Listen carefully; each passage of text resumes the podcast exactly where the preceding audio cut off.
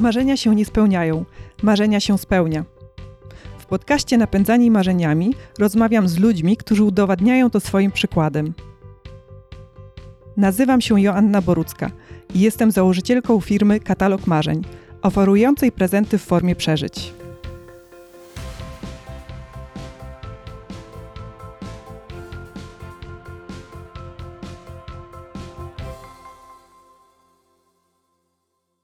Cześć Tomek. Cześć. Jestem pod mega wrażeniem Twojej osoby. Bardzo dziękuję, choć pewno nie zasłużenie. Ach, ja myślę, że zasłużenie, ale tak, to, to nie brnijmy w tą dyskusję. Przygotowałam sobie taką ściągę, z której skorzystam teraz na początek, żeby Ciebie przedstawić. E, później jestem przekonana, że ta nasza rozmowa popłynie, ale na start chciałabym powiedzieć o, o pewnych e, ważnych rzeczach chciałabym Ciebie po prostu e, przedstawić, kim Ty jesteś. Wynotowałam kilka informacji. Myślę, że kolejność nie jest e, tak bardzo e, ważna. Więc tak, jesteś tatą dwójki dzieci, jesteś tak. mężem, Jesteś psychologiem, jesteś ratownikiem wysokogórskim, specjalistą interwencji kryzysowych, jesteś skoczkiem spadochronowym, mówcą motywacyjnym, masz na swoim koncie rekordy związane ze skokami spadochronowymi, jesteś dobroczyńcą, tak, człowiekiem, któremu zależy na tym, żeby, żeby pomagać innym ludziom. Jesteś autorem książki i jesteś człowiekiem, który zainicjował niezwykły projekt, projekt Jump for the Planet. Mhm. Długa lista, naprawdę niezwykła, niezwykła lista, aż trudno uwierzyć, że to się mieści w życiorysie e, jednej osoby. Ale żeby tak konkretnie. Chciałabym, żebyś na początek przedstawił e, naszym e, słuchaczom, naszym widzom też, czym jest projekt Jump for, Jump for the Planet. Trudno to określić w nawiązaniu do tego, mhm. co powiedziałaś, bo, yy, bo jest to projekt związany z pomaganiem, jest to projekt związany z pewno z inspirowaniem jakiejś grupy osób, yy, bo niedawno ktoś mi zadał pytanie, kim ja jestem, czym mhm. się zajmuję i ja już nie potrafię określić, kim jestem, ponieważ moje życie się zmieniło od jakichś siedmiu lat e, i spowodowało, czy w, tym, w, tym, w moim życiu pojawiły się szalone projekty, które, e, które zmierzają do tego, żeby pomagać ludziom, ale nie jest to tak, że że ja tu jakoś dramatycznie cierpię. Ja po prostu uwielbiam to, co robię, realizuję swoje marzenia i swoje pasje i uważam, że niepomaganie e, w takiej sytuacji no, jest po prostu marnowaniem potencjału. I E, moja historia jest taka, że pięć lat temu wykonałem najwyższy skok spadochronowy w Europie z mhm. kolegami. Skoczyliśmy z balonu z 11 km prawie i dwa, dwa lata przygotowań do tego projektu to był dla mnie koszmar po prostu, taki związany z lękami. Żeby było jasne, różnica między strachem a lękiem jest taka, że lęk jest nieadekwatny do bodźca, który go wywołuje. Ja sobie wytworzyłem w głowie czarne wizje tego wszystkiego, mhm. co wynikało w dużej mierze z tego, że nie wiedziałem, jak ten projekt się potoczy, e, bo nie miałem też doświadczenia siebie samego w tego typu projektach. W wyniku tego, e, jak te, te moje lęki, które się nagromadziły, ja je przelałem e, na papier i powstała ta książka, która nie jest książką o skoku, tylko jest książką o, o mnie, o bojącym się człowieku. Zresztą ja to mhm. nazwałem historia tysiąca lęków, bo oczywiście tych lęków tam były tysiące i ja sobie wtedy pomyślałem, że jeżeli tylu ludzi do mnie napisało, informacje o tym, że moja książka im pomogła, że to, że pokazałem, że skoczek spadochronowy się boi, to wtedy zrozumiałem marnowanie potencjału przy mhm. takich wydarzeniach i postanowiłem, że jeżeli zrobię cokolwiek ekstremalnego jeszcze w życiu, to pomogę ludziom. Powstał projekt 48, w którym skoczyłem 48 razy w jeden dzień i zebrałem 200 tysięcy. Rok później skoczyłem 100 razy w jeden dzień, zebrałem pół miliona i, i to jest ten mój pomysł na życie i realizację siebie, ale pomyślałem, dlaczego nie zrobić tego w skali globalnej?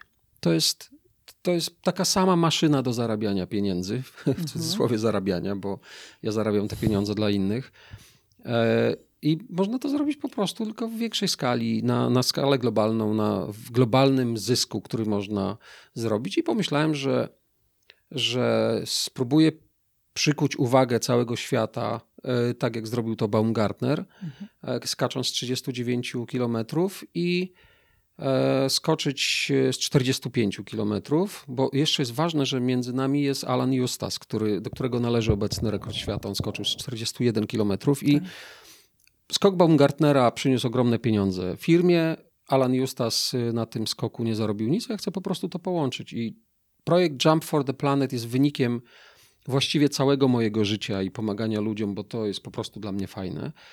E, I też doświadczaniem siebie w sytuacji tworzenia bardzo dziwnych e, i trudnych rzeczy. W każdym z tych projektów jestem przekonany, że nie dam rady, ale dzisiaj już jestem nauczony tego, że że sam się nauczyłem, że to nie ma znaczenia, co ja sądzę na temat tego, że, to, że nie dam rady. Ja mam robić swoje po prostu. Mhm. E, I jak, jak będę, dowiem się, że nie dam rady, jeżeli rzeczywiście, nie wiem, za 10 lat nie dojdzie do tego, do tego skoku, ale ja to organizuję wszystko w taki sposób, żeby ostatecznie zebrać na świecie pieniądze dla dzieci, które są ofiarami zmian klimatycznych i budować dla nich e, z recyklingu domy czyli moim pomysłem jest to, żeby w momencie, kiedy gdzieś na świecie zostanie zmieciona przez tajfun wioska i ludzie nie mają tam e, w, w czym żyć, to chciałbym, żeby w ciągu 24 godzin dostarczono im domy. Mhm.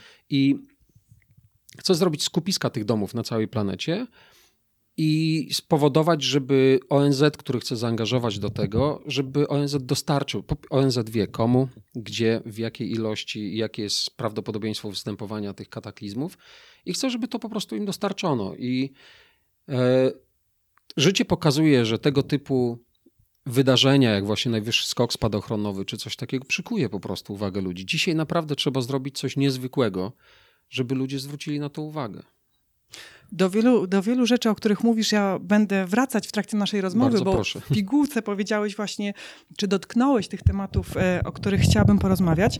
Mm, w pewnym momencie padło słowo szalony. Tak? I przyznam ci się do czegoś, że w pierwszej chwili, jak e, usłyszałam o tobie, o twoim projekcie, to pomyślałam, no szalony człowiek, e, to się, to się nie uda. I to była taka absolutnie pierwsza myśl, a druga myśl, e, no trochę tłumaczę się z tej, e, z tej pierwszej, druga myśl e, to była myśl skierowana do mnie samej, że jak to? Jak ty możesz w ogóle tak pomyśleć, że, mhm. że to się nie uda? No, prowadzisz podcast Napędzani Marzeniami, chcesz inspirować, pokazywać ludziom, że marzenia się nie spełniają, marzenia się spełnia, mhm. że jak tak potrafisz... Tak Dokładnie, właśnie, że jak potrafisz y, jakieś marzenie w swojej głowie stworzyć, to tak naprawdę potrafisz tego dokonać. Trzeba mhm. wysiłku pracy y, nad tym i że to się na pewno uda. Tak? I, I trzeba Tomkowi y, kibicować, trzymać za niego kciuki, wspierać. Do tego też wrócimy, jak, jak właśnie można cię wspierać. Dlaczego o tym mówię? Bo jak rozmawiałam z innymi osobami o tobie, to mm, nie byłam w tym odosobniona, że ta pierwsza myśl jest właśnie taka, że kurczę, no to, to po prostu brzmi e, no, troszeczkę, albo dla niektórych troszeczkę, dla niektórych bardziej nierealnie. I ja mhm. ciebie chciałam zapytać jako e, psychologa teraz e, bardziej, jak to się dzieje, że mm, no, my wiemy, że ta technologia jest, tak? Że no, mhm. ktoś już niedawno skoczył z podobnej, niższej wysokości, ale dokonał tego, a jednak taki ten pierwszy, ta pierwsza myśl, no właśnie to wydaje nam się, że może być trudno. O. Ja myślę, że to wynika z tego w dużej mierze, że my oceniamy świat y, przez nasz pryzmat, przez mhm. pryzmat naszych możliwości i spostrzegania siebie. Może nie przez pryzmat naszych możliwości dokładnie, ale spostrzegania siebie jako osoby ewentualnie stojącej przed tego typu wydarzeniem. Jeżeli ktoś sądzi, nie, dałby, nie dałbym rady skoczyć albo zainicjować takiej akcji, to mówi, to jest niemożliwe. Nie? Wystarczy, że y, siądziemy przed telewizorem i włączymy program informacyjny, to mówimy, ten ma rację, a ten nie ma racji. E, to jest dokładnie tak. Albo mówimy, krytykujemy bardzo często ludzi, jak on jedzie, ten jedzie za szybko, to wariat, ten jedzie za wolno, to mameja i tak dalej. Tylko my jedziemy dobrze, więc my według własnych kryteriów to oceniamy. I ludzie mówią, to się nie uda, on tego nie zrobi, ale też nie wiedzą tak naprawdę. Widzą tylko i wyłącznie ten czubek góry mhm. lodowej, czyli to, że ja chcę skoczyć, ale nie widzą, że tak naprawdę ten proces trwa 7 lat a samo przygotowanie pomysłu i, i, i praca, którą ja włożyłem w ten projekt, to już jest ponad dwa lata, bo ja na ten pomysł wpadłem przygotowując się do projektu 48, czyli zanim zrobiłem pierwszą swoją taką akcję pomocową, bo ja wtedy postawiłem bardzo mocno na ciało i przygotowywałem się do tego biegając, pływając. Chciałem po prostu tylko i wyłącznie przygotować ciało, bo wiedziałem, że do wykonania 48 skoków w jeden dzień potrzeba siły fizycznej. I ja niespecjalnie lubię biegać, bo mam bardzo chory kręgosłup i to mnie po prostu boli. I biegając, zastanawiałem się, właściwie starałem się zająć czymś myśli. I, I pamiętam moment przy takiej kłodzie, jak pomyślałem sobie, co ja chciałbym w życiu zobaczyć. I jeżeli chodzi o to, co ja chciałbym zobaczyć, to tak naprawdę ja chciałbym poprzez zobaczenie czegoś poczuć. E, a ja chciałbym zobaczyć y, Ziemię z perspektywy planety. Mhm. Chciałbym zobaczyć być może księżyc, zrozumieć, jaka jest odległość, poczuć tę odległość, poczuć e, y, to, jak duża jest ta planeta, bądź jak mała. To zależy od, od perspektywy. I, I to mi po prostu przeleciało przez głowę i tyle. Ale już przed projektem 100 e, wróciłem do tego, żeby myśleć właśnie o dużym, e, czy właściwie to było po projekcie 48, żeby pomyśleć o dużej akcji. I myślałem sobie, dobrze, projekt 100 jest fajny i on mi też trochę pokaże, jak to jest. I rzeczywiście to po trosze było takim, takim też papierkiem lakmusowym, bo w projekcie 100 był łatwiejszy cel, bo było 100 wózków inwalidzkich, facet skacze, trzeba wpłacić pieniądze. W projekcie 48 było 48 różnych kampanii pomocowych mhm. i to też pokazuje, że, że tak naprawdę osoby, które mówią, on da radę albo nie da, myślą tylko i wyłącznie o samym skoku i o tym, co jest na wierzchu, ale cała motywacja i to, co człowiekiem powoduje do robienia czegokolwiek, jest zupełnie inną historią. Mhm.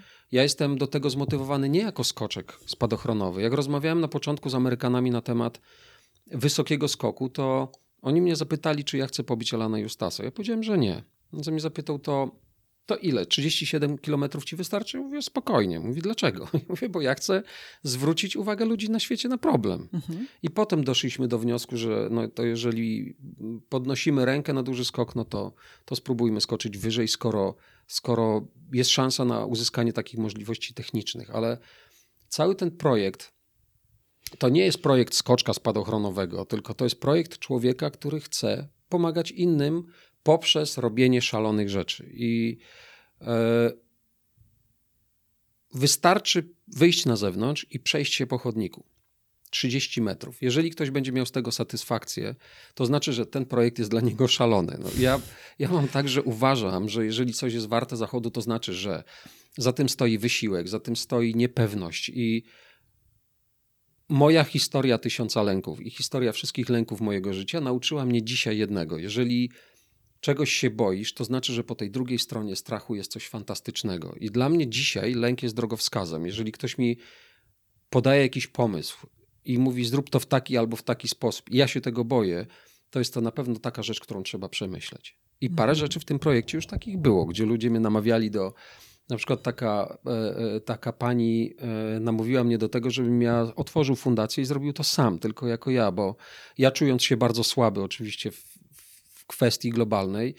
Zacząłem do tego angażować Greenpeace, UNICEF, mhm. WWF i tak dalej, ale to się okazało, te, te organizacje okazały się bardzo skostniałe i trudne do, do takiego elastycznego myślenia i wchodzenia w projekt, no bo oni mają też swoje pomysły na, na życie i pomaganie. I, i taka, taka pani, którą zresztą poprosiłem o to, żeby odeszła z projektu, bo, bo, bo, bo, bo za dużo chciała w nim ustawiać klocków, ona mi powiedziała: Czemu nie zrobisz tego sam, jako ty? Jak żebyś ty był twarzą tego projektu. I mi to tak, ja twarzą takiego projektu sam i pamiętam, że przeszedł mnie po prostu taki lęk i wtedy myślę, kurczę, to jest warte, żeby się tego zastanowić. Więc to, co e, ludzi hamuje i zatrzymuje i powoduje, po, mówi im nie rób tego, uciekaj, bo to jest niebezpieczne, to u mnie w wyniku tego, że wiele razy wystawiałem się na, e, na takie sytuacje, w których z całą pewnością bym przegrał, dzisiaj mi pokazuje, że no to okej, okay, no najwyżej przegram. No. Mhm.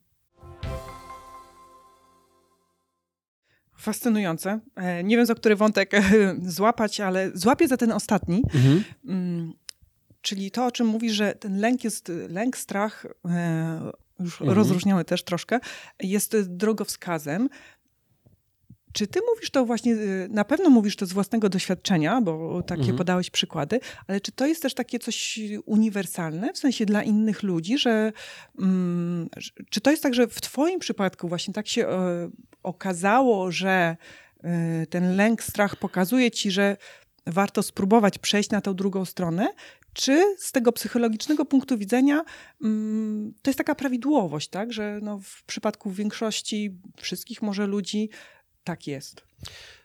Z psychologicznego punktu widzenia jest tak, że lęk, strach czy obawa jest czymś, co jest nam bardzo potrzebne, bo my mhm. nie przetrwalibyśmy na tej planecie, gdyby nie uciekanie przed drapieżnikami albo na przykład sygnały, które płyną z ciała, kiedy boli nas w okolicach wrostka robaczkowego. To jest proste i jeżeli to budzi w nas niepokój, to idziemy do lekarza i dzięki temu żyjemy. I ja uważam tylko, że właśnie z psychologicznego punktu widzenia powinniśmy być świadomi tego, że mamy mnóstwo słabości, ale te słabości są do pokonania. I my bardzo często się zatrzymujemy w naszym życiu, ponieważ uznajemy, że te słabości są nie, nie do pokonania, bo one budzą w nas negatywne mhm. uczucie.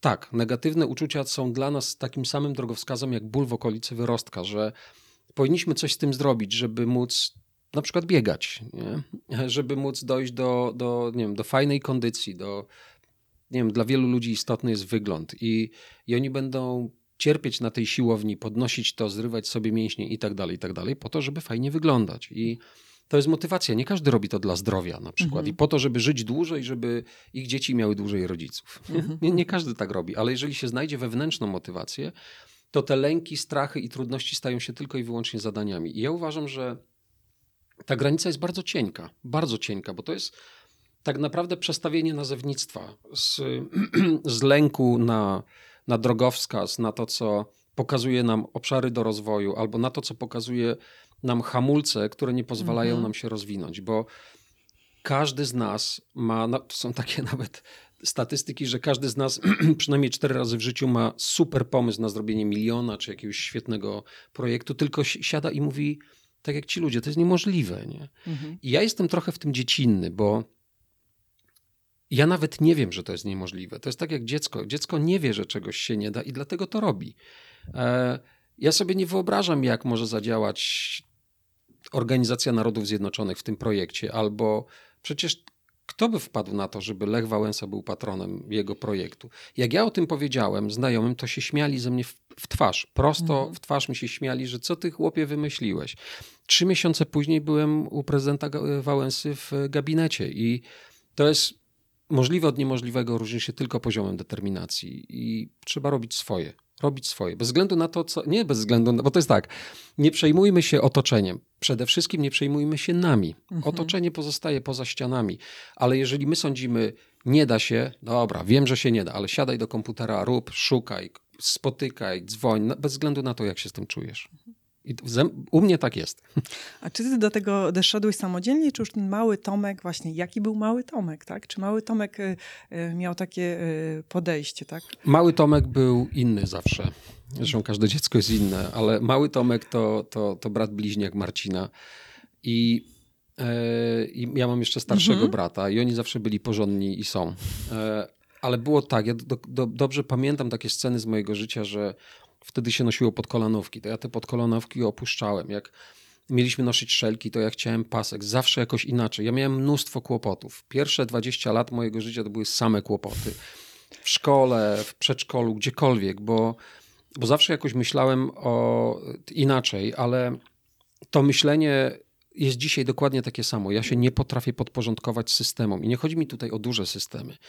Ja nie umiem pracować od 7 do 15, y, choć czasami mi się wydaje, że to by było fajnie wyłączyć o 15 sprawy z, z pracy, iść i, i, oglądać na przykład jakąś Ligę Mistrzów. Ja się nie znam na piłce nożnej, ale wiem, że ludzi to pasjonuje.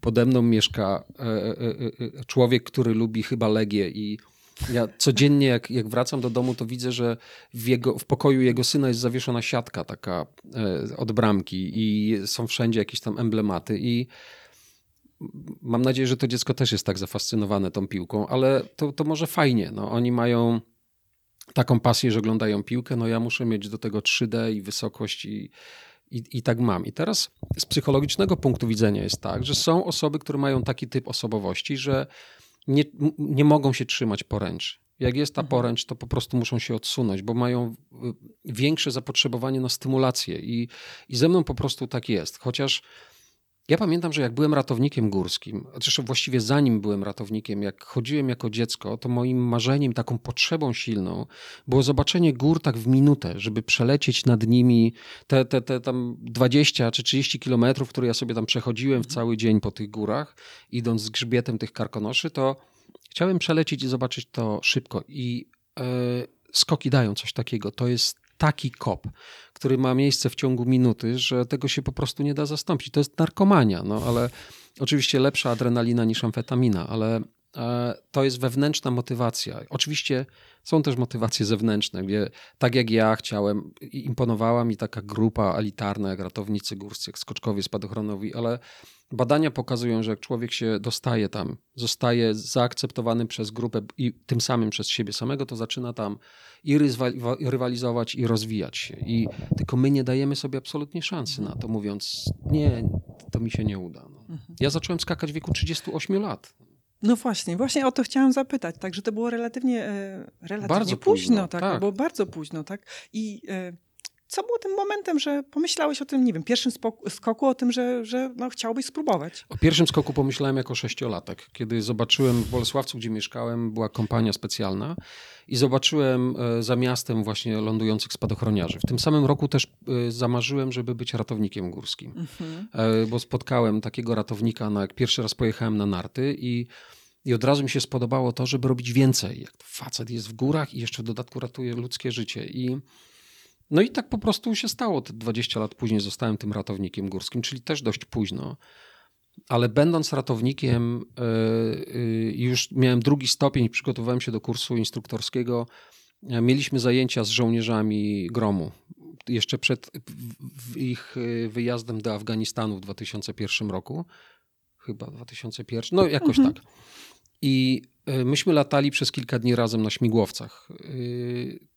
Robiliśmy takie ćwiczenia związane z, z ratownictwem górskim, czy w trudnym terenie przy użyciu śmigłowców. Myśmy pokazywali nasze doświadczenia.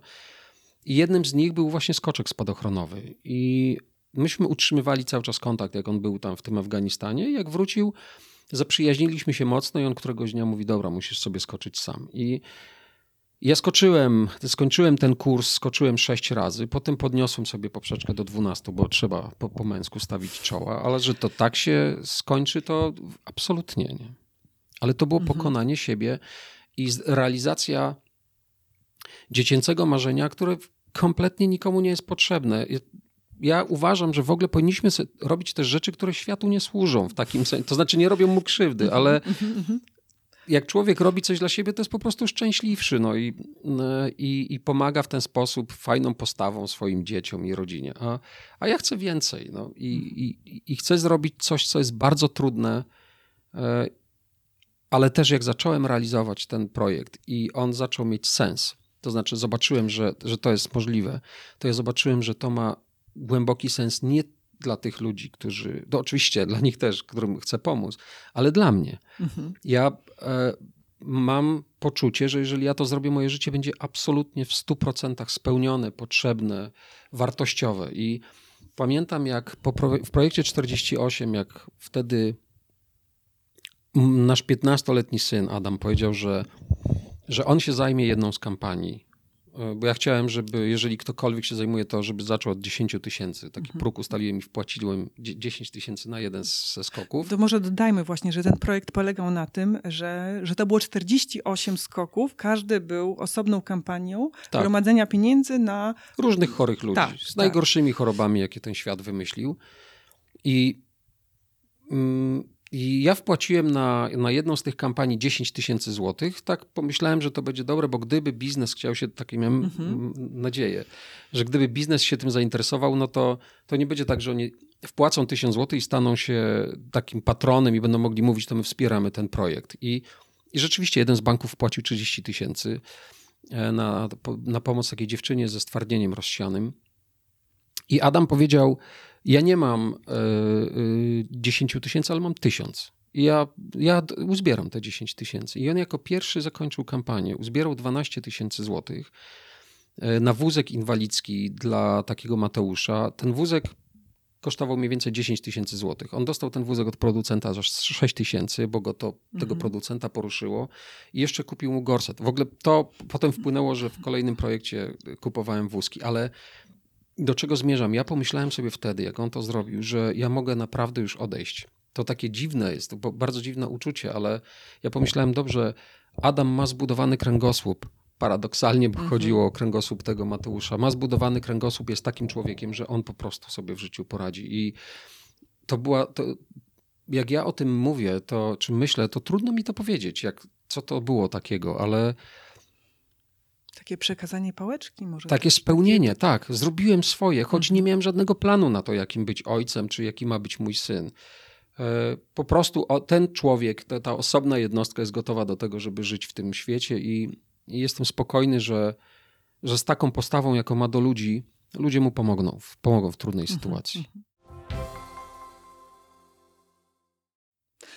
Zanim e, był e, pomysł na projekt i sam projekt 48 i potem projekt 100, to był też projekt nie wiem, jak go nazwać, wiem, czym on był. Chodzi mi o pobicie rekordu e, Europy, e, mhm. jeśli chodzi o wysokość skoku. W tym sensie nie wiem, jak go nazwać, bo nie wiem, co było celem. Czy celem było właśnie rekord, mhm.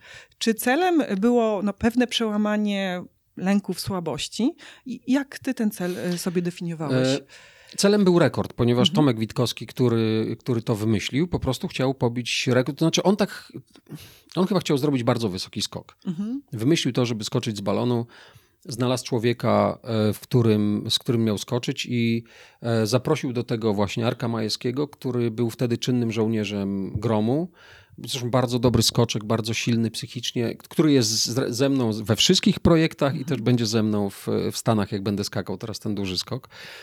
I, e, I Tomek też zapytał mnie o to, czy ja bym nie pomógł w tym projekcie, żeby e, zdobyć patrona medialnego, ponieważ ja mam pewne kontakty w mediach, czasami się tam mhm. pojawiam i, i on uznał, że to może być korzystne. I ja go poprosiłem, żeby wziąć udział w tym projekcie i zdobyłem patronat medialny, zdobyłem też pieniądze na to, mhm. bo, e, bo to było trudne. I, I po prostu wziąłem w tym udział.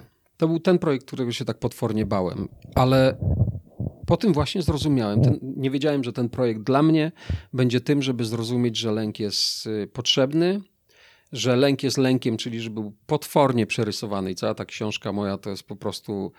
E, niektórzy pisali, że, że ekshibicjonistycznie się odsłoniłem. No ale no, jestem zwykłym człowiekiem, bałem się potwornie tego wszystkiego i to opisałem, bo to są.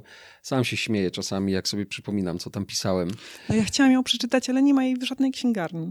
No bo księgarnie, w których były, zapominają o jednej prostej rzeczy, że za produkt trzeba zapłacić. Mhm.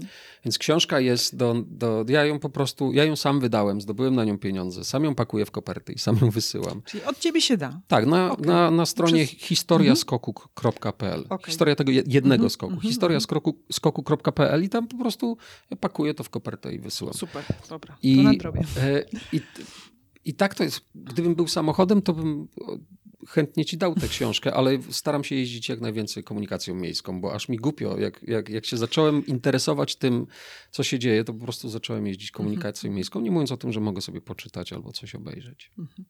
Tak, ale wybiłam cię e, chyba e, z rytmu, bo rozmawialiśmy o Rozmawialiśmy tak, o Adamie, o Lękach, o pierwszym tak, projekcie. o pierwszym projekcie, dokładnie.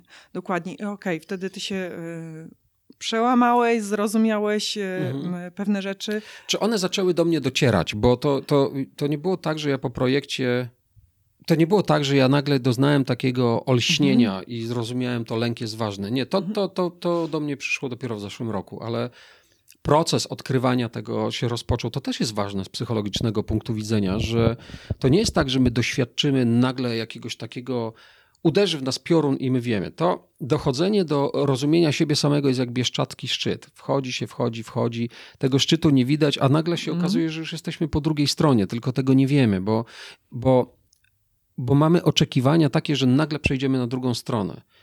Każdy by chciał tak nagle się dowiedzieć, dobra, to ja już rozumiem. Nie, to trzeba podjąć decyzję taką, że aha, dobra, to to, co ja mam, to już mi wystarczy. Jest takie, ja też nawet opisałem w książce taką rozmowę z sponsorem tego projektu, takim bardzo ciekawym, mądrym, bardzo dynamicznym człowiekiem. I on mi powiedział kiedyś, że jak rozmawialiśmy o tym, czy jestem gotowy do tego dużego skoku, czy nie, ja mu powiedziałem, że się boję, że czasami uważam, że jestem gotowy, czasami nie. On mi powiedział, jeżeli będziesz w 100% gotowy, to znaczy, że jesteś drugi. I tu nie chodziło o wyścig, mhm. tylko o to, że będziesz się przygotowywać całe życie do tego jednego wydarzenia, skoku i ono się nagle skończy.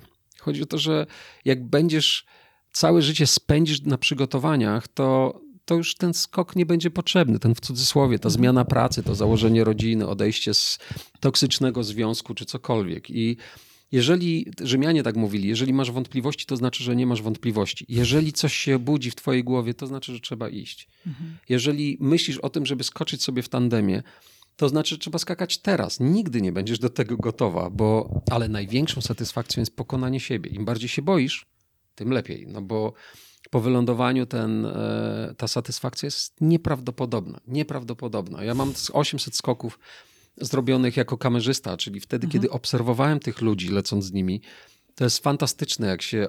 To jest takie nawet atawistyczne i surowe, bo ja obserwowałem tylko radość, tylko uśmiech tego człowieka na twarzy. I to jest piękne przeżycie, bo, bo oni lądują i no, w jednym przypadku facet się wycofał, ale wszyscy zawsze używają jednego słowa zajebiście i, i część mówi jeszcze raz. Nie? Mhm.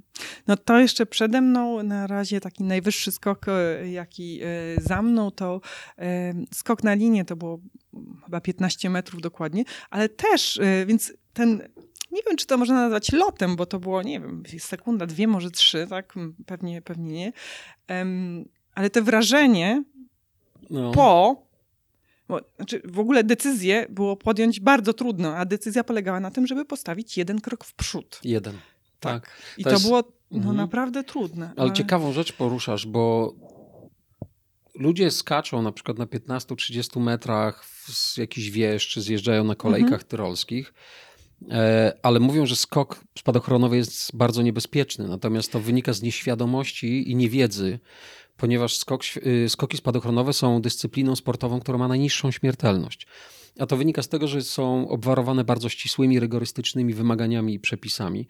Natomiast tego typu, jeżeli cokolwiek się stanie, to nie masz szans na żadną reakcję. Tak. Żadną. Nie ma drugiej szansy, tak jak w jeździe na motorze, nie ma po prostu. Mhm. A my, ja miałem sytuację, w której nie otworzy mi się spadochron, po prostu przesiada się na kolejny i, i już. Mhm. I jeszcze w dodatku w takim wtedy przypływie adrenaliny, nic się nie czuje. Po prostu tak, jak przekłada się tę kartkę i tak to działa. Mm-hmm, mm-hmm.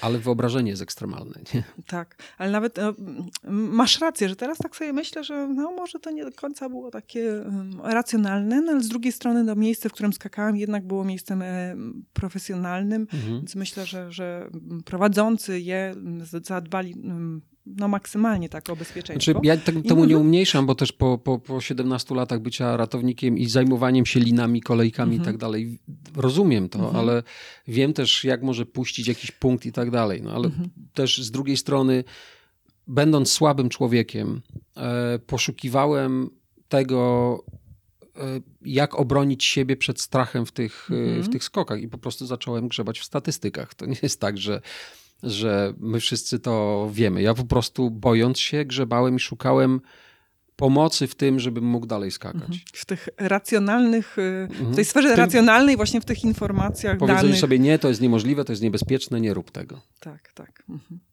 Dobra. E, był skok e, właśnie z 11, prawie 11 kilometrów, mhm. a potem projekt 48. I ten projekt no, różnił się od, y, mm, od tego wcześniejszego, tym komponentem dobroczynności, tak? Że tutaj mhm. już, jak rozumiem, celem nie był rekord, chociaż to był rekord, prawda? Bo ustanowiłeś wtedy rekord Polski e, mhm. w liczbie oddanych skoków w ciągu jednego dnia, mm, ale celem było e, zgromadzenie e, funduszy. Skąd ci się wzięła ta myśl właśnie w tym momencie, mm, w tym momencie, no, że można w ten mhm. sposób, w ten sposób gromadzić fundusze i pomagać ludziom? To, to się wzięło z tego, że ja zobaczyłem ogromny potencjał w projekcie stratosfery, który został wygenerowany mhm. tą książką. Mhm, Tym, że ja mhm. dostałem z półtora tysiąca listów od ludzi. Właściwie co druga, trzecia osoba do mnie napisała, że, że to im pomogło, że dziękują, że, że ja tak napisałem, że oni spostrzegali wszystkich skoczków jako takich ludzi, którzy kompletnie się nie boją. Ja myślę, że gdyby ludzie się kompletnie tego nie bali, to by nie skakali, no bo po co? Jeżeli to w tym nie byłoby żadnych emocji. I ja przed projektem, zanim w ogóle zostałem zaproszony do projektu y, Stratosfery, miałem taką myśl, że jak będę miał 50 lat, to skoczę 50 razy w jeden dzień ze spadochronem. Miałem wtedy 42 lata, więc to jest luźno się myśli o tym, co można zrobić za 8 lat. Dobra, zacznę się przygotowywać za 4 lata. Ale potem pomyślałem sobie, że to było na przełomie 47-48, że to jest bez sensu, że ja będę czekał 3 lata z powodu dwóch czy trzech skoków. To no bez sensu. I, I stwierdziłem, dobra, to robię projekt 48, czyli w 48 roku życia y, skoczę te 48 razy, ale teraz muszę komuś pomóc. Mhm. I, I zacząłem szukać różnych osób. Początkowo chciałem pomóc E, rodzinie y, komandosa Gromu, który zginął wtedy e, gdzieś tam na Pomorzu na ćwiczeniach. Chciałem jeszcze pomóc y, zebrać pieniądze na inkubator dla szpitala MSW, gdzie urodziła się moja córka, która mało co nie umarła zaraz po mhm. porodzie, bo jej tam pękły płuca i była na ojomie przez tydzień, co było najtrudniejszym moim tygodniem w życiu. I, i potem zacząłem dokładać do tego kolejne osoby. I ja początkowo chciałem kilka skoków zadedykować. E, ale ostatecznie e, Bartek Węglarczyk, mój najbliższy przyjaciel, który też jest w tych wszystkich moich projektach, on mówi: Zrób wszystkie. Nie? Ja też wtedy pomyślałem, ale jak wszystkie? Nie? Ja mówię, zrobię jak najwięcej. On mówi, nie, nie, nie, zrób wszystkie. I rzeczywiście on mi też pokazał taką rzecz, która, która dla mnie była, ja, ja sobie myślałem, to niemożliwe, jak zdobędę 48 osób. I, i poszedłem do lasu. Projekt. Duży, duży projekt, projekt tak. ogromny. I poszedłem w lesie z córką i myślę, kurczę, trzeba się za to wziąć. No. I wziąłem telefon, ona spała w wózku, wziąłem po prostu telefon i nagrałem filmik. Mhm. Nagrałem, że podejmę taką, taką inicjatywę, że chcę pomóc ludziom, że, że, że tam mogą się zgłaszać i tak dalej. I po prostu tak to powstało. I ja też te obietnice, że będę pomagał ludziom, złożyłem trochę sobie, nagrywając ten filmik i wrzucając to do sieci. I on miał prawie 70 tysięcy wyświetleń. No to, to jest w ogóle w głowie się nie mieści, ale to też pokazuje, że takie prawdziwe rzeczy oddolne, one się dziś poniosą. Po mhm. prostu się poniosą. I ja mam też taką nadzieję, że ten projekt Jump for the Planet, robiony przez zwykłego Janusza, po prostu może się udać. Znaczy on teraz już jest w takiej fazie, że, że to jest tylko kwestia nie zepsucia tego, bo on jest w fazie realizacji, mhm. więc to nie jest tak, że on się jakoś wiem, dramatycznie, nie, nie, że, że, że coś się nie dopełni. Właśnie, ten projekt to jest y, Jump for the Planet. Ogromne przedsięwzięcie pod względem każdym logistycznym, organizacyjnym, funduszy, umiejętności, kompetencji, technologii. No pewnie można wymieniać e, jeszcze, jeszcze dalej. No tak z 30 obszarów jest, jak liczyłem w tym. Właśnie. Mhm. I czy ty w momencie, kiedy już e, pomyślałeś, że to teraz jest ten czas, żeby realizować ten projekt, bo tak jak mówiłeś wcześniej, tak sama myśl przyszła kilka lat wcześniej, ale jak rozumiem, no nie wiem kiedy, może to nie jest takie super istotne. 17 e, września okay. w, dwa lata temu podjąłem decyzję. Okay. Znaczy wykonałem pierwszy mhm. krok. No właśnie. I wtedy jak wykonałeś pierwszy krok, to czy ty te 30 obszarów rozpisałeś, zrobiłeś z tego nie. plan projektu? Nie, nie, nie, to się tworzy cały czas. Mhm. Ja doszedłem teraz do takiego momentu, w którym nie dam już rady sam. Mhm. Jest na całe szczęście przyłączyli się do mnie ludzie, jest agencja, właściwie agencje na całym świecie. Jest jedna agencja, która to spina, taka międzynarodowa i są agencje na całym świecie, na każdym kontynencie, które będą prowadzić teraz taką kampanię informacyjną na ten mhm. temat. Oni też y, się zajmują, właściwie zajmują się wszystkim tym, czym ja bym się nie zajął. I to jest jedna rzecz związana z informowaniem świata o tym. Druga tak. rzecz to jest to, że ja sobie wpadłem na pomysł, że ogłoszę na całym świecie konkurs na rozwiązanie tego domu, jak to mhm. będzie wyglądało, bo ja chcę, żeby on był w 80% z recyklingu, żeby miał ramę z kontenera morskiego i był wypełniony plastikiem w środku. Tylko jak ja to zrobię? No, mhm. warsztat otworzę. Czy... I przypadkowo spotkałem, dotarłem, to na pół godziny opowieść, dotarłem do osoby, która jest w zarządzie Polskiego Towarzystwa Architektów i oni akurat zajmują się zrównoważonym rozwojem. Mają do tego certyfikacje, kwalifikacje, kompetencje i wiedzę. I oni przeprowadzą ten konkurs na świecie. I spadli mi z nieba zupełnie. I to jest tak, że coraz lepsi specjaliści, naukowcy przyłączają się do mnie i ja już zrozumiałem, że muszę to scedować, bo bo też powstaną rzeczy, których ja nie wiem. Mhm. Wiele rzeczy w moim projekcie jest takich, które się nie da zrealizować, ale na, w takim sensie, że ja mam na przykład trzy jakieś segmenty, które chcę zrobić, ale wczoraj miałem takie spotkanie, gdzie mi powiedzieli, to trzeba sklecić w jeden i potem gdzieś tam to skaskadować na innych, bo Są ludzie, którzy zajmują się e, realizacją projektów, oni wiedzą, jak to ma strukturalnie wyglądać. To są, to są rzeczy, których ja nie wiem, ale e, ja mam jak w każdym projekcie takie rzeczy, że się wycofuję. W takim sensie, że mówię, nie dam rady, bo najbardziej zawodzą ludzie. 99% rzeczy, które mnie przygniatają, to jest to, że ludzie obiecują złote góry, a potem nie odbierają telefonu. Tu nie chodzi o to, że oni tych złotych gór nie przyniosą, bo ja też no, mam swój rozum i widzę, co kto może załatwić, na ile te obietnice są, e, są jakoś możliwe do spełnienia, ale, ale są tacy, którzy, w których wierzę i oni po prostu nie odbierają telefonu. Żeby powiedzieli, Tomek, nie interesuje mnie, nie dam rady, mam ważniejsze sprawy, ja muszę to od nich wyciągać i, i wiele razy klękałem i zawsze ta moja żona Paulina mnie podnosi i miałem dwa miesiące temu taką sytuację, że przyszedłem do domu po jakichś dziesięciu takich spotkaniach, na które nikt nie przyszedł, siadłem w przedpokoju i myślę, koniec tego, nie dam rady. Nie dam rady. Chociaż daleko zaszedłem, ale nie dam rady. I tak siedziałem, patrzyłem w ten, ten, w ten taki, taki brud, który z butów mi wyleciał, z błota i tak patrzyłem na to i myślę, dobra, i tak przyjdzie ta Paulina i tak mnie podniesie, to wstałem, siadłem do komputera i wtedy robię taką odtwórczą pracę. Szukam na przykład do, dostępu do jakiejś znanej osoby albo no, kombinuję jakieś takie rzeczy, które, do których nie muszę mieć jakiejś takiej, takiej, takiego twórczego napędu, mhm. które trzeba tworzyć. Po prostu to jest dużo takiej roboty i taki projekt to jest orka, naprawdę, ale ona jest, y, ale to, to fajne jest ostatecznie, jak gdzieś tam po tych stu nieudanych spotkaniach przychodzi ten, ta jedna osoba, bo to tak jest. Sto kontaktów, dwa spotkania, jeden biznes. I gdzieś tam na końcu to się okazuje, tak, to jest możliwe. A jak ty to robisz? Bo no, technologie, których potrzebujesz, to są technologie kosmiczne, tak? Tak, tak. Tak, tak one się po prostu nazywają. Mhm. Nie kosmiczne, że nie można ich sobie wyobrazić, tylko kosmiczne, no bo dotyczące mhm. kosmosu. Tak. Więc pewnie Stany, tak? Pewnie wysoce mhm. specjalistyczne firmy, nie wiem, takie, które y, pracują z NASA być może. Tak, Jak to jest dokładnie firma, która pracuje z NASA. Ja, y, a propos 17 września, czyli moich urodzin. Ja po projekcie 48 zrobiłem 15, bo akurat wypadała, e, wypadało to w piątek.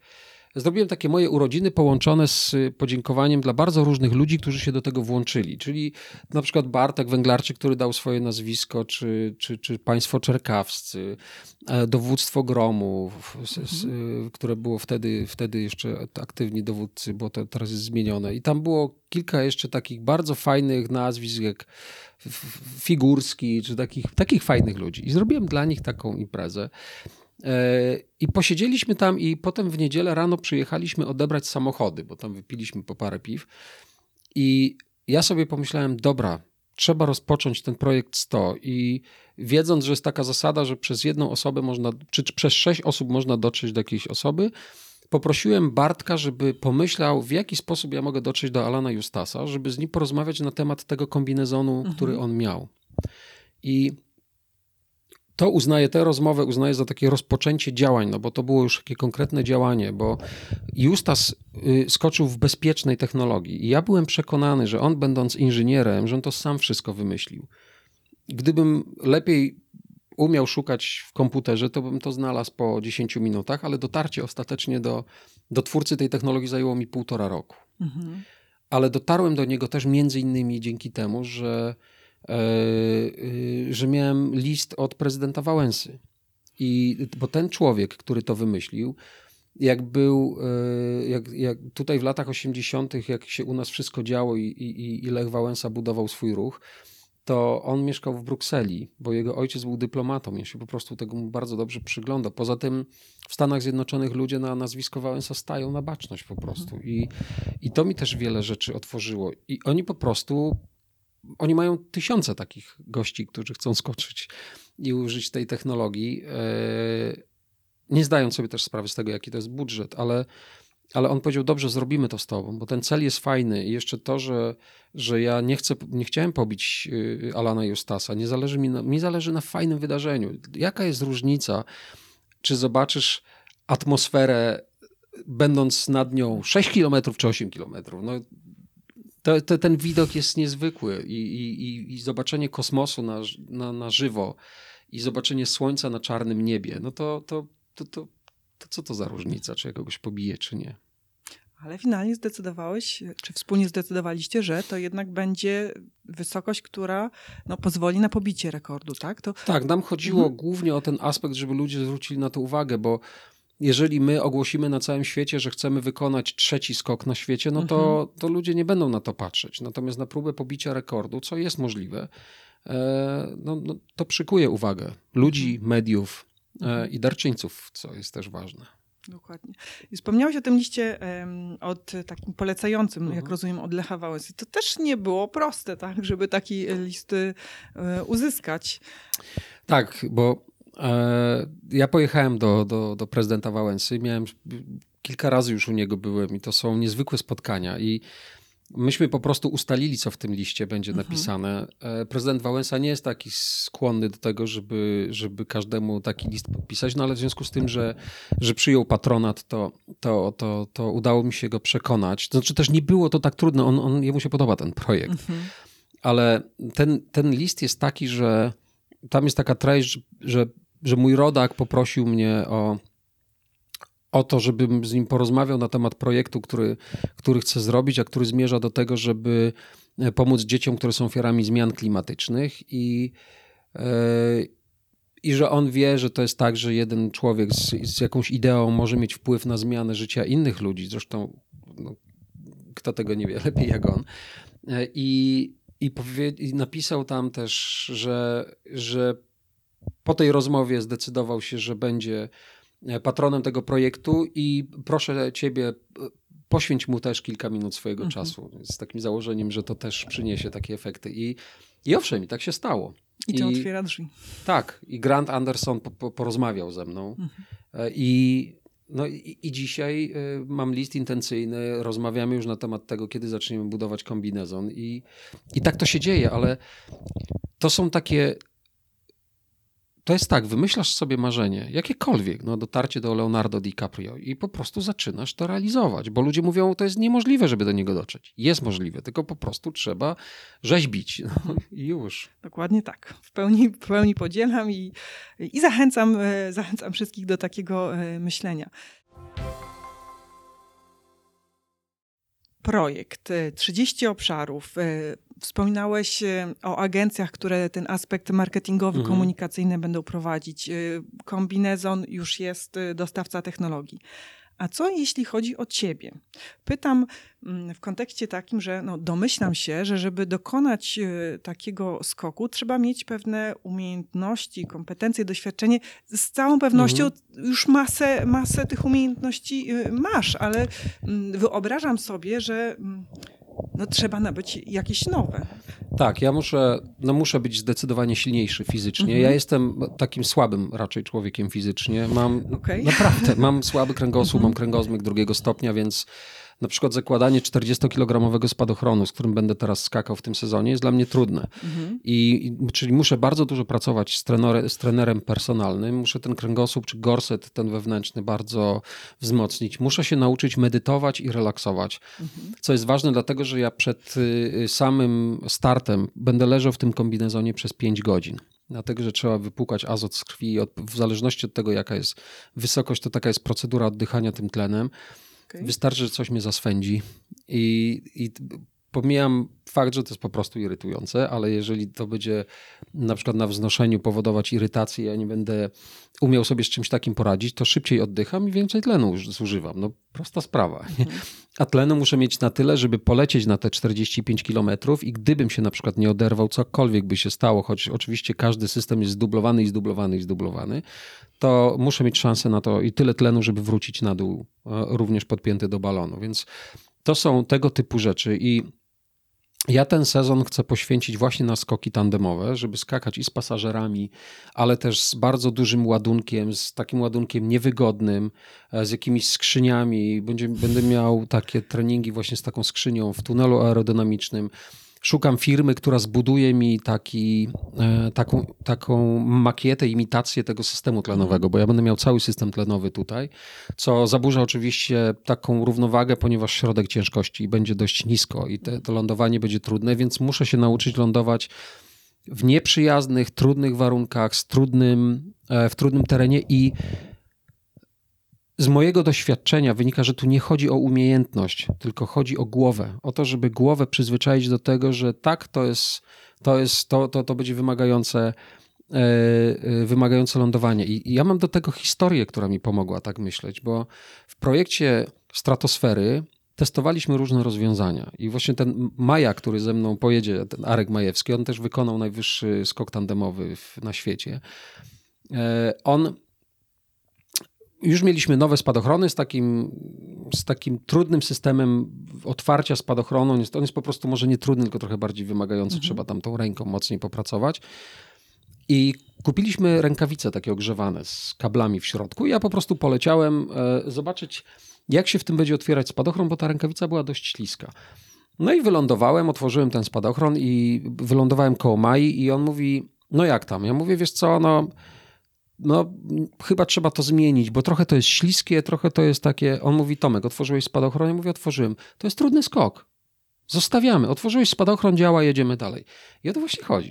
To jest trudny projekt, to będzie trudny skok, to będzie wymagające lądowanie. Ja muszę wiedzieć, tu nie chodzi o to, żebym ja lądował w każdej konfiguracji, bo wystarczy, żeby lądował pod słońce albo coś tam się stanie i, i może to mi zaburzyć. Chodzi o to, żebym ja przyzwyczaił głowę do tego, że to jest trudne lądowanie. I, i tak się to robi. Jak się przygotowywałem do, do, do, do projektu e, 100, to mhm. poszedłem na cały dzień na basen. Wskakiwałem do, głowy, do, do wody na główkę ze słupka, płynąłem kraulem jeden basen, potem dwa żabką, potem obchodziłem ten basen dookoła. Siadałem na, e, na niecałe półtorej minuty, czyli tyle ile wznoszenia i zrobiłem to 100 razy.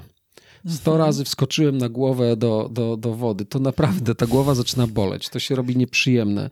Ale ja to zrobiłem nie po to, żeby budować kondycję, tylko żeby zobaczyć, w którym momencie będę miał kryzysy, jeżeli chodzi o siłę, zmęczenie, o tako, takie znużenie. I rzeczywiście to się powtórzyło w projekcie. ja byłem na to gotowy i dlatego dałem radę. Dlatego słaby człowiek da radę, bo wie, że jest słaby i musi w tym momencie zaakceptować swoją słabość, zacisnąć zęby i jechać dalej. Mhm.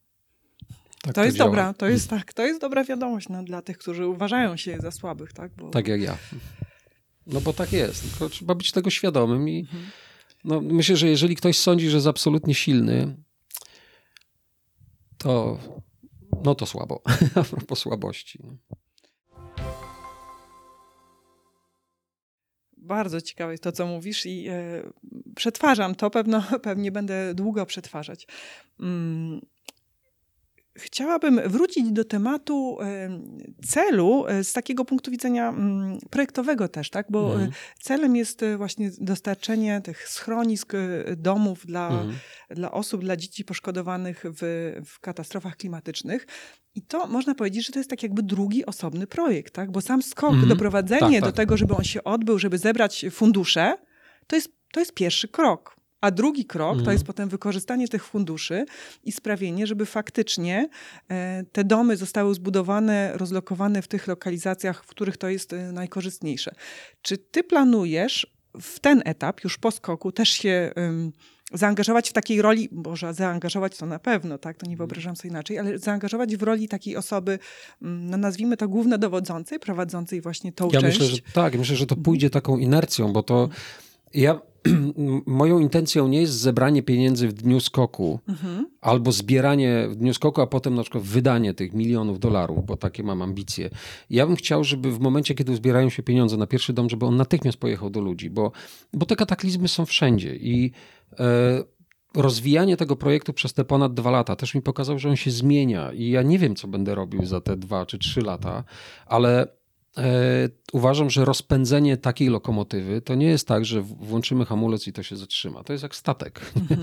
czy jak pociąg też. Po prostu będzie to się zatrzymywać długo, długo i być może to zrobi, zrodzi kolejną ideę. Może to, ja nie wiem, ja się po projekcie Stratosfery mówiłem, to już koniec, nic więcej nie muszę robić w życiu. 48 było tak samo, 100 było tak samo i teraz też tak myślę, ale potencjał, który zbudujemy tym projektem, może da się wykorzystać, nie wiem, żeby rozwijać inne projekty, żeby wspierać inne projekty.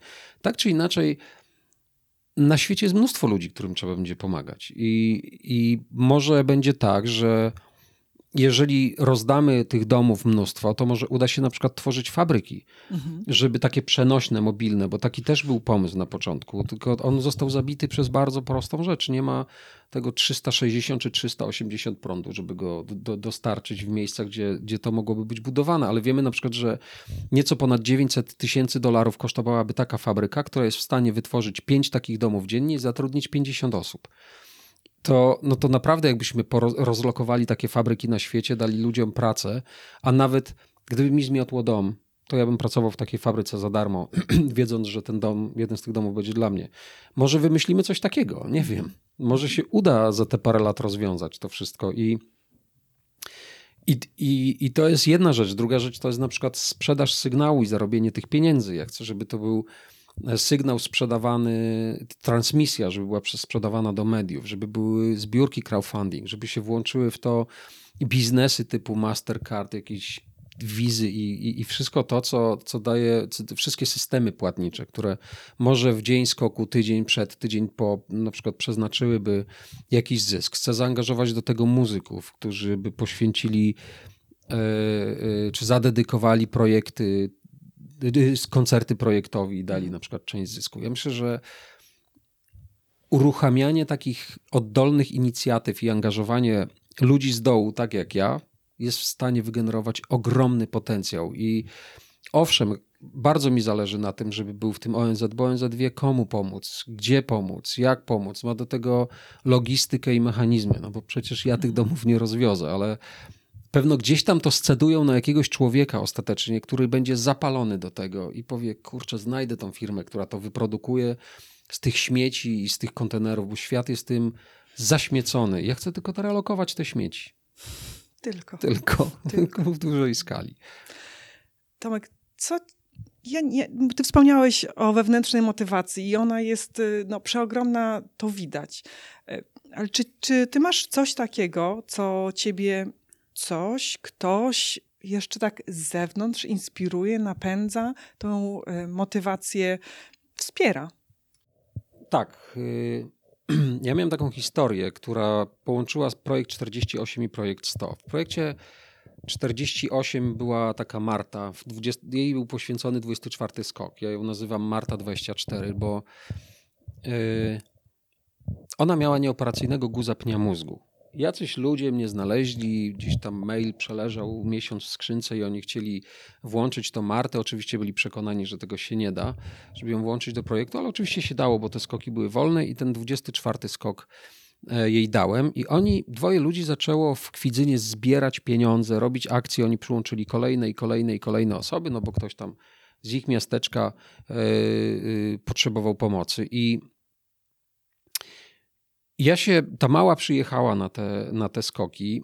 E, była zaraz po tym, jak ja skoczyłem dla niej. Bardzo fajne dziecko, niezwykłe.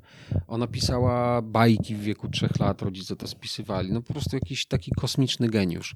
I ona też, jak e, to, ta, ta, ta akcja pomocowa wokół niej narastała, to ona sama też zaczęła wciągać inne dzieci, dzielić się tym, co dostała, bo, bo, bo ludzie przysyłali jej tysiące kartek, pluszaków i ona to też rozdawała innym dzieciom. Z taką świadomością to nie było tak, że rodzice ją do tego namawiali. I e, myśmy się zakumplowali z jej rodzicami, zaczęliśmy się odwiedzać, spotykać, dzwonić do siebie. I 16 kwietnia 2018 roku, czyli przed projektem Stoja, już się przygotowałem. Nawet było tak, że do nich jeździłem. Jak jeździliśmy, ja sobie tam biegałem wokół ich domu. Mieszkałem przy takim lesie. I napisałem do Justyny, jej mamy na Messengerze, że, że chcemy przyjechać za tam niecałe dwa tygodnie odwiedzić Martę.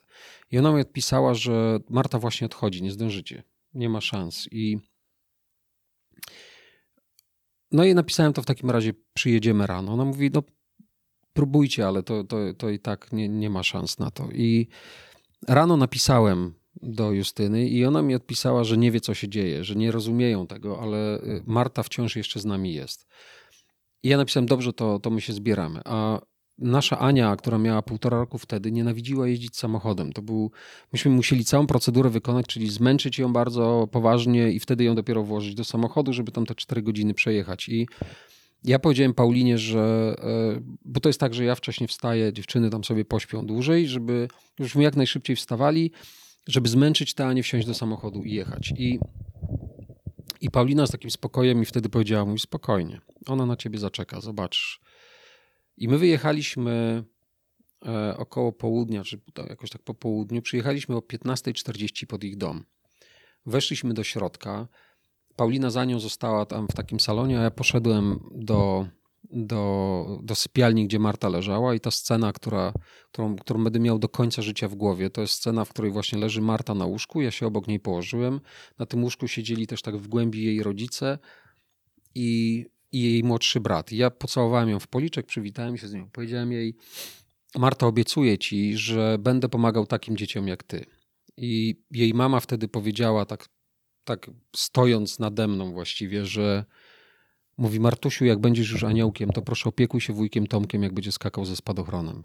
I godzinę później ta mała odeszła. I ja składając te obietnice, wiedziałem, co robię. Ja wiedziałem, że, że ja realizuję takie projekty i to jest moja droga w życiu. I trzeba też siebie pchnąć trochę do tego. I ta, ja, ja w projekcie 100 zerwałem sobie, czy naderwałem mięsień uda w 37 skoku i wiedziałem, że to jest koniec. I powiedziałem sobie, ale skoczę jeszcze raz, choćbym miał sobie urwać tą nogę, jeszcze raz skoczę. I skoczyłem jeszcze raz. I zobaczyłem, że, że, że, że ta noga mnie, że ten, ten ból się nie pogłębia. On był taki, że, że urywało mi tą nogę, ale miałem tam też fizjoterapeutkę, która mi pomogła i, i z tą małą w głowie doskakałem, te, te, doskakałem do tych stu skoków kulejąc i ja jej zadedykowałem ten projekt. Miałem jej y, twarz na, na kombinezonie. Jej twarz była w, w samolocie, taki duży plakat z napisem Marta 24. I na, na kombinezonie tym kosmicznym też będzie jej twarz i też będzie napisane Marta 24, bez względu na to, czy tam będą sponsorzy chcieli, czy nie, to ona na tym kombinezonie będzie i będzie też symbol cichociemnych, bo pan Aleksander Tarnawski, ostatni żyjący cichociemny, który ma dzisiaj 99 lat, z którym mam zaszczyt się znać i bywać u niego w domu, on też miał przyjechać na projekt 100. Ja też zadedykowałem ten projekt również. I projekt Polskiej Stratosfery też był zadedykowany tym spadochroniarzom, którzy skakali w nocy w czasie wojny ze 130 metrów i, i to są mistrzowie świata. Oni ryzykowali, bo wpadali między Niemców i, i jeszcze tam walczyli, a my dzisiaj skaczemy na super nowoczesnym sprzęcie i, i to jest nic w porównaniu do tego, co my robimy, ale też jest to nic w porównaniu do tego, z czym się muszą zmagać rodzice Marty i i, i, z czym się będą zmagać do końca życia. Ja realizuję swoje pasje, a, a ci, którzy są chorzy, którzy nie mogą chodzić, którzy nie mogą wyjść na zewnątrz i tak dalej, ci ludzie robią nieprawdopodobne projekty. Naprawdę. Zmaganie się z krawężnikiem, czy, czy wkładanie wózka e, inwalidzkiego do samochodu dwa razy dziennie, co zajmuje godzinę, to jest, to jest dopiero wyczyn. Ja chwilkę potrzebuję żeby tak mówić. Taka jest prawda w tym projekcie, mhm. bo czy, czy w moich projektach i w moim życiu. I e, rok później, rok po, po, w rocznicę e, pogrzebu Marty, my, czy w, w rocznicę śmierci, zrobiliśmy coś takiego, bo na pogrzebie e, rodzice Marty chcieli, żeby ludzie byli ubrani na kolorowo, żeby nie było tej takiej przygniatającej czerni i oni wypuścili setki balonów Y, kolorowych z, z, z, z cmentarza i rok później zrobiliśmy coś takiego, że o 16.40 oni wypuścili balony, a ja wyskoczyłem z, z motolotni nad nimi i e, i ja leciałem nad tym cmentarzem, tam gdzieś wylądowałem koło jakiejś stacji benzynowej, i to jest właśnie to, od czego zaczęliśmy rozmowę, że ludzie nie znają motywacji, nie wiedzą tego, co leży, na przykład mówią, wariat jakiś wyskoczył i tutaj sobie lata, ale chce się popisuje i tak dalej. Nie wiedzą, jaka historia za tym stoi. Projektów, odejścia tej małej dziewczynki, tego, co ona robiła w życiu, tego, z czym się zmagają jej rodzice i tego, po co ja skaczę nad cmentarzem w środku dnia. I, i to jest to, że ludzie też nigdy nie będą znali Twoich motywacji, czy ty, tych osób, które, nam, e, które nas oglądają. Ważne, że Ty znasz swoją motywację i Ty idź w swoim kierunku. I nawet jeżeli dzisiaj w siebie wątpisz, to i tak idź, no, bo, bo, bo jak te, te, ta, ta, ta wiara w siebie wróci, to nie odrobi się już tego czasu, który się siedziało i się nad sobą użalało. Idź, użalaj się nad sobą, ale w, ale w drodze. Nie? Tomek, czy tobie można jakoś pomóc, e, wesprzeć, tak? Bo mm, Ja widzę, że wiele różnych rzeczy, tych, tych obszarów w Twoim projekcie jest bardzo mocno zaawansowanych, no ale zakładam, że mhm. jeszcze można Ci jakoś pomóc, tak? Tak, tak, I... tak. Ja, my założyliśmy fundację mhm. Jump for the Planet. Czekamy jeszcze teraz na jakiś tam wypis sądu i po prostu będzie można wpłacić pieniądze. Myślę, że na początku, na przełomie lutego i marca będzie już konto i będzie można po prostu mhm. wpłacić pieniądze. Ja mam już te, dużo tych pieniędzy jest, bo ktoś tam wylicytował hulajnogę jakąś za 5800, jakieś takie są. Będzie można po mhm. prostu wpłacić i pierwsze, ja, ja w ogóle chcę, żeby pieniądze wpływały w ogóle gdzieś do ONZ-u albo do organizacji, czy takiej podorganizacji ONZ-u, która się tym zajmie, E, ale dzisiaj można wpłacać te pieniądze i ja pierwsze pieniądze, jak one będą, jak będziemy mogli jakiś dom wysłać, to wyślemy to z Polski, nawet jak będzie trzeba. Jeszcze przed skokiem? Nawet tak? Tak, tak, tak, od razu. Natychmiast, jak mhm. będą pieniądze na to, żeby pomagać, bo wszystko się może zdarzyć. W projekcie 100 było tak samo. Myśmy uzbierali na 80 skoków, 80 wózków uzbieraliśmy przed skokiem i mhm. to pokazuje, że ludzie będą mi towarzyszyć, będą media społecznościowe, będziemy pokazywać, jak ja trenuję, co się dzieje, jak się przewracam w tym wszystkim. Ja chcę, żeby ten projekt żył, żeby ludzie w niego weszli. To niech nie muszą wpłacać pieniędzy. Niech pójdą ze mną pobiegać, niech coś udostępnią w mediach społecznościowych, niech jak ja zakładam, że ja będę 5 minut spadał, to niech ludzie przez 5 minut pobiegną z ciężkim plecakiem, wejdą do zimnej wody i niech wstawią to na Facebook i napiszą wspieram Tomka, Jump for the Planet mhm. czy cokolwiek. I my w ten sposób przyciągniemy pieniądze tych, którzy mają te pieniądze i chcą się podzielić. Mhm. E, tak można mi pomóc, bo ja też, ja potrzebuję tego wsparcia. Ja sam tego nie zrobię. No, moja żona postanowiła przebiec maraton nowojorski i przygotowuje się teraz do tego maratonu i zacisnęła zęby i ona chce w ten sposób mi pomóc. I, i chociaż mi pomaga, bo jest świetnym prawnikiem też. Mm-hmm. nie, nie, wyobrażam sobie jej bez no, lepszego radcy prawnego, ale, ale ona chce mi tak pomóc. Ratownicy górscy, tacy po 70-80 chcą skakać w tandemach, żeby mi pomóc. Jest jeden z ratowników, który jest po trepanacji czaszki i mało co nie, nie, nie, nie, nie umarł na stole, też chce przebiec maraton i, i trenuje teraz. To są, to, to, to takie coś napędza. I pieniądze się znajdą. Pieniądze na te domy się znajdą. Nie ma, nie ma lepszego wsparcia niż drugi człowiek. Ja myślę, że to jest piękne sformułowanie na zakończenie naszej rozmowy. Bardzo serdecznie Ci dziękuję. To ja dziękuję. Ja mam nadzieję, że będziemy w kontakcie, nawet w takiej formie, że po prostu media społecznościowe to umożliwiają teraz w bardzo prosty sposób. Kibicuję ci, e, będę zachęcać e, innych do wspierania i trzymam kciuki. Dziękuję. Dzięki. Możemy się spotkać za jakiś czas, jak projekt będzie bardziej zaawansowany i, i pogadać. Dzięki wielkie. To ja dziękuję.